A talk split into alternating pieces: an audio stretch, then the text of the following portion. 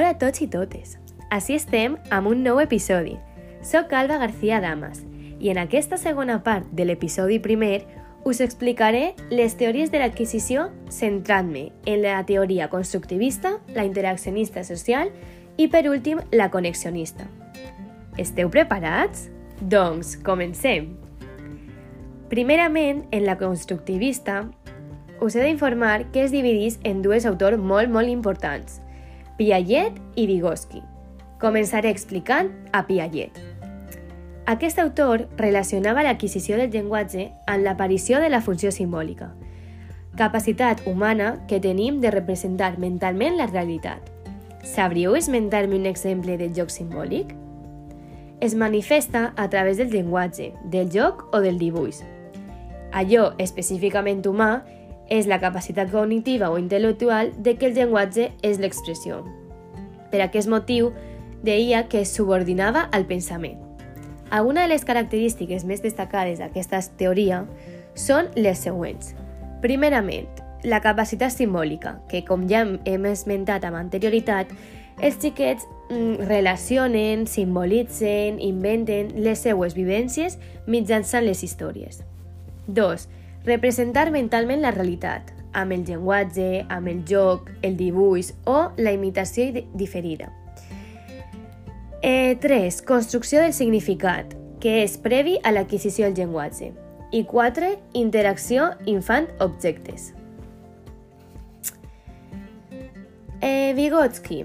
Aquest eh, personatge deia que l'adquisició del llenguatge es donava en un espai social i compartit entre els qui dominen el llenguatge i els qui l'han d'aprendre.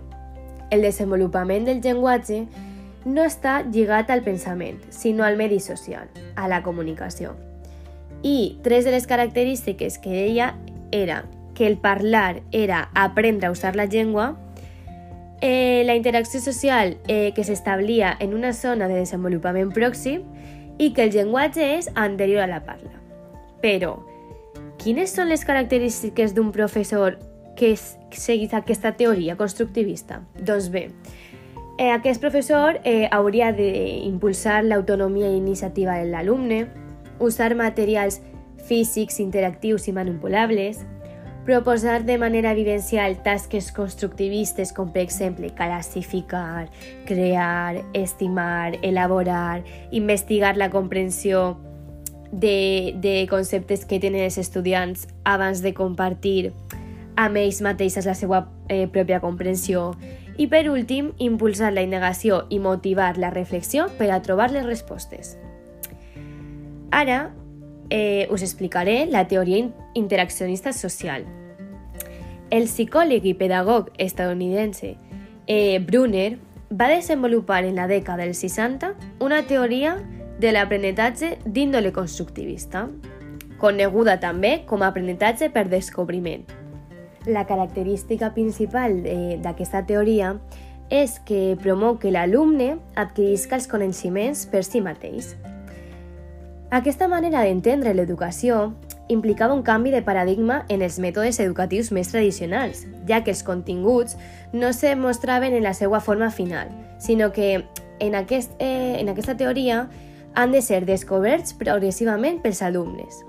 Brunner considerava que els estudiants eh, havien d'aprendre a través d'un descobriment guiat que té lloc durant una exploració motivada per la curiositat.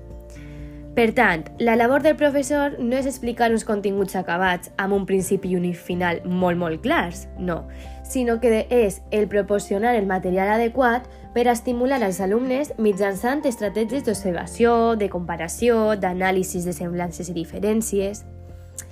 A més a més, Brunner deia que, que havia un caràcter innat i certes característiques específiques, com per exemple eh, acció encaminada a aconseguir un fi, l'adaptació a actuar en àmbits reduïts, l'alt grau de sistematització de les accions i la capacitat d'abstracció per enfrontar-se amb contextos d'espai, temps i casualitat.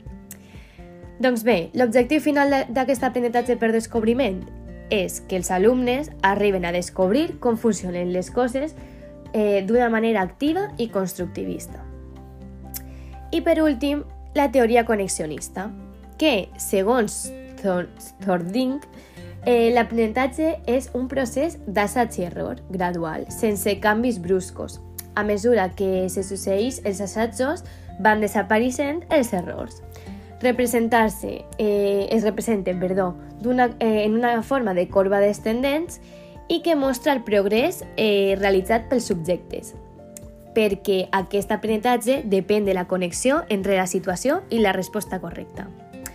Thorndike pensava que la intel·ligència consistia en la combinació de totes les habilitats específiques adquirides mitjançant l'aprenentatge.